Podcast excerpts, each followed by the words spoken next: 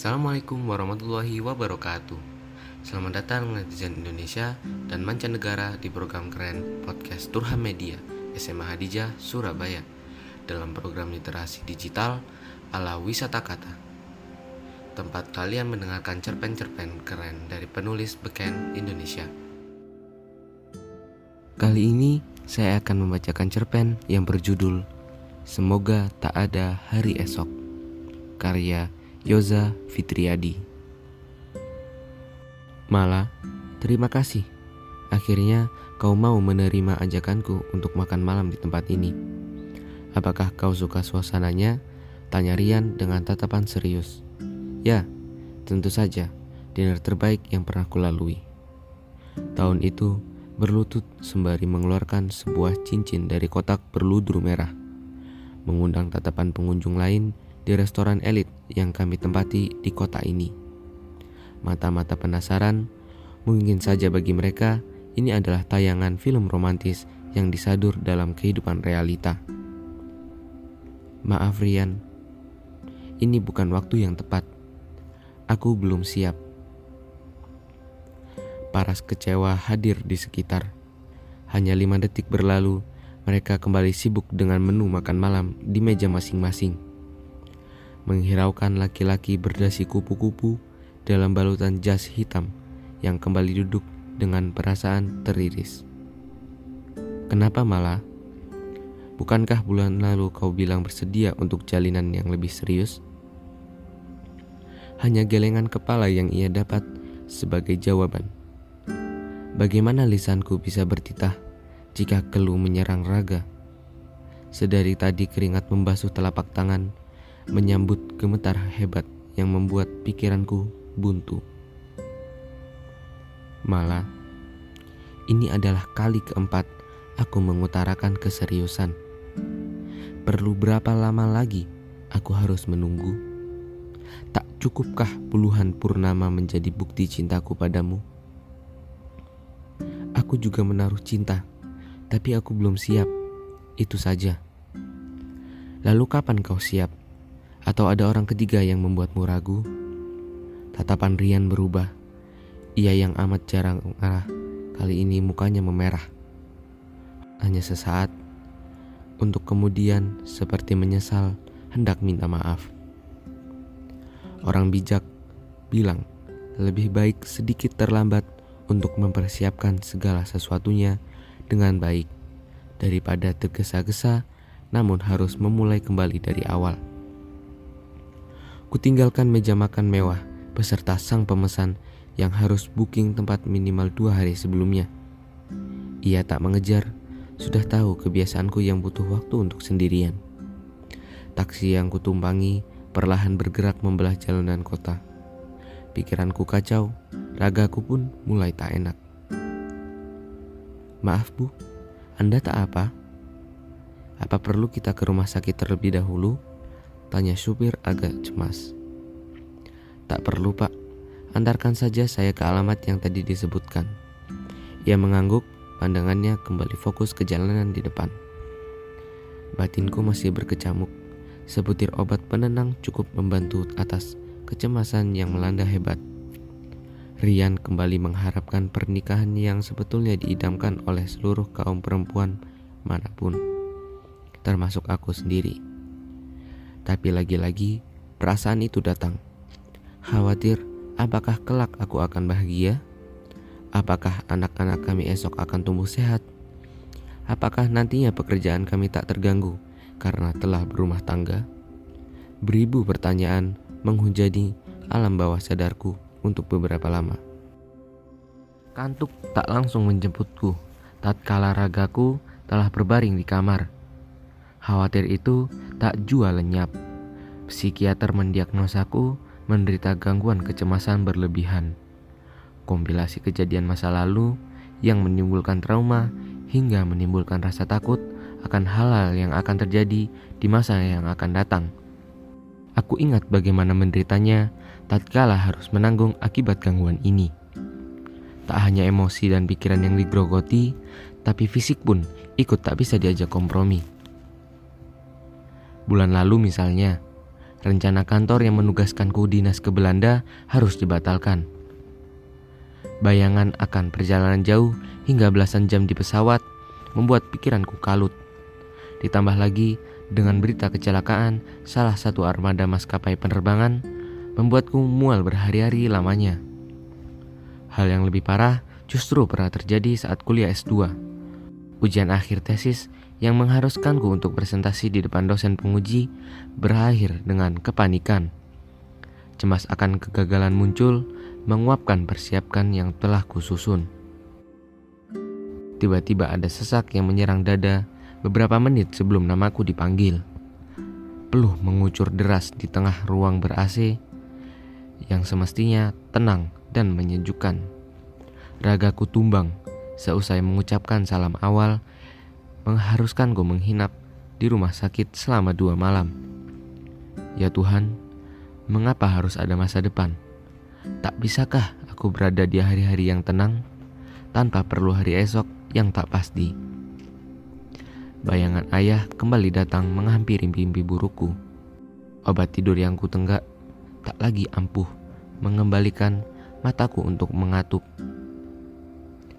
Kek, bagaimana caranya agar bisa optimis dengan hari esok?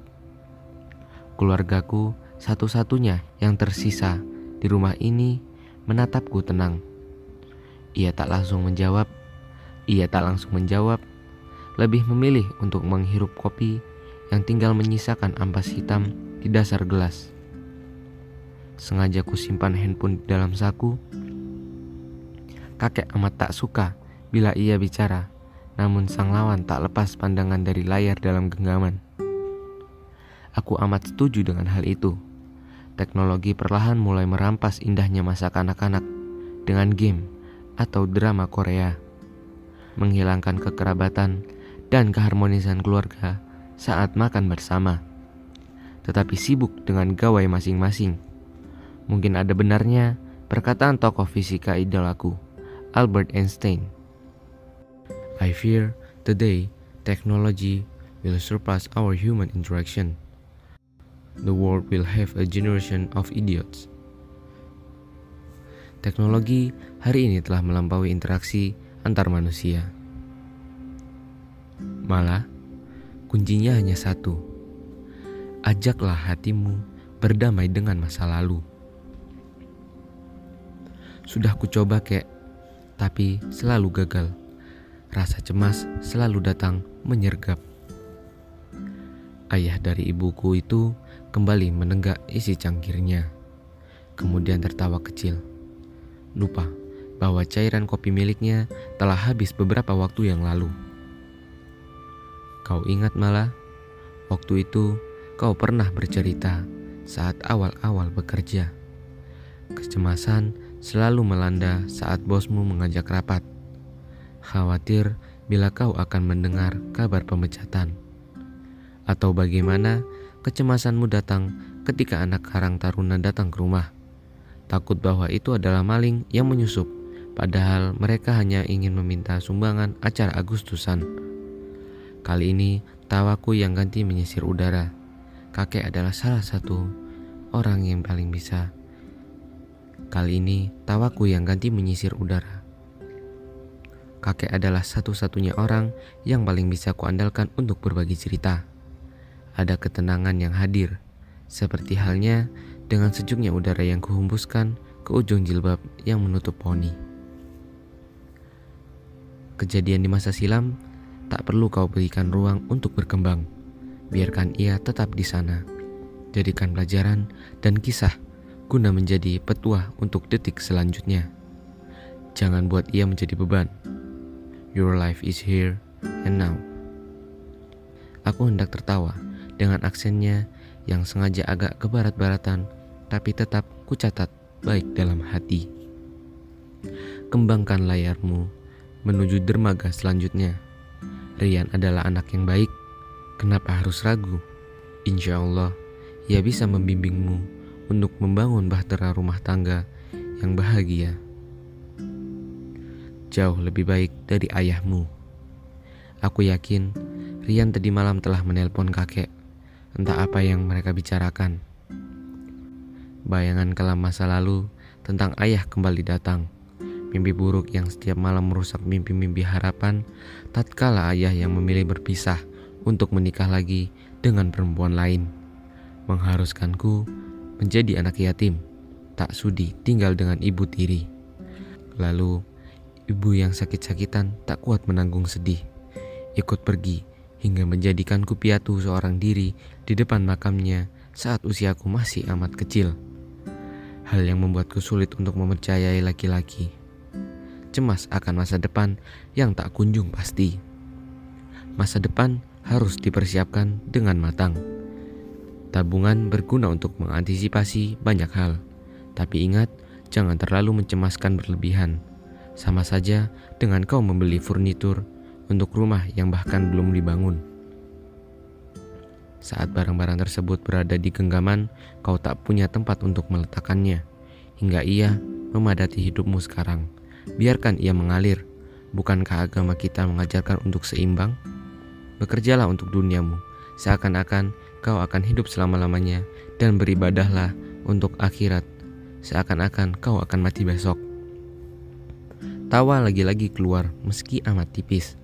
Kali ini kakekku sudah bertransformasi menjadi ustadz namun tetap saja akan kuingat baik-baik. Cut Kumala Hayati, nama yang indah. Ayahmu yang memberikannya. Dadaku kembali sesak mendengarkan orang itu disebut. Kumala Hayati adalah seorang pejuang, perempuan dari tanah Aceh Laksamana perempuan pertama di dunia yang memimpin ribuan pasukan melawan kapal-kapal dan benteng-benteng Belanda hingga mereka minta maaf karena kalah. Pelaut perempuan tangguh yang membuat Inggris gentar bahkan sebelum bertempur. Pahlawan yang gugur oleh pasukan Portugis dalam upaya mempertahankan bangsa dari penjajahan asing. Batinku bergumuruh, wajah ibu berkelebat saat kakek mengucapkan kata gugur. Ibumu pun seorang pejuang tangguh, bertarung nyawa demi melahirkan anaknya. Ia ingin kau bisa menjadi pejuang tangguh selanjutnya yang akan mengabdi pada negeri ini, termasuk keinginan terakhirnya agar kau bisa memaafkan ayahmu. Itu wasiat terakhirnya malah. Cobalah untuk belajar menerima, berdamai dengan masa lalu. Gapai kebahagiaanmu untuk hari ini esok, dan selanjutnya. Ku peluk kakek yang masih berdiam di kursi roda. Air mataku membasahi punggungnya. Ada gumpalan pekat yang terasa mencair. Lega itu mengalir di seluruh pembuluh nadi. Tepat saat kulapangkan dada, mengikhlaskan kata maaf tanda penerimaan. Tepat saat kulapangkan dada, mengikhlaskan kata maaf tanda penerimaan. Sebuah notifikasi percakapan WhatsApp masuk. Yesterday is history, tomorrow is mystery, and today is gift. Rian. Senyumku kembali terpantul dari gelas di meja. Lengkung bulan lengkung bulan sabit yang kata orang mirip dengan milik ayah tampak di sana. Kali ini Aku tak lagi alergi dengan pendapat itu. Rian, itu bukan quotes punyamu. Itu kan film kungfu panda. Maaf untuk yang kemarin. Nanti malam ke rumah ya. Kakek mau bicara tentang pernikahan kita. Mentari perlahan beranjak naik. Tak ada lagi doa untuk meminta esok hari yang tiada. Semoga hari-hari esok akan selalu bahagia. Demikian netizen Indonesia dan mancanegara, podcast Turha Media SMA Hadijah Surabaya dalam program Literasi Digital ala Wisata Kata edisi kali ini. Salam literasi.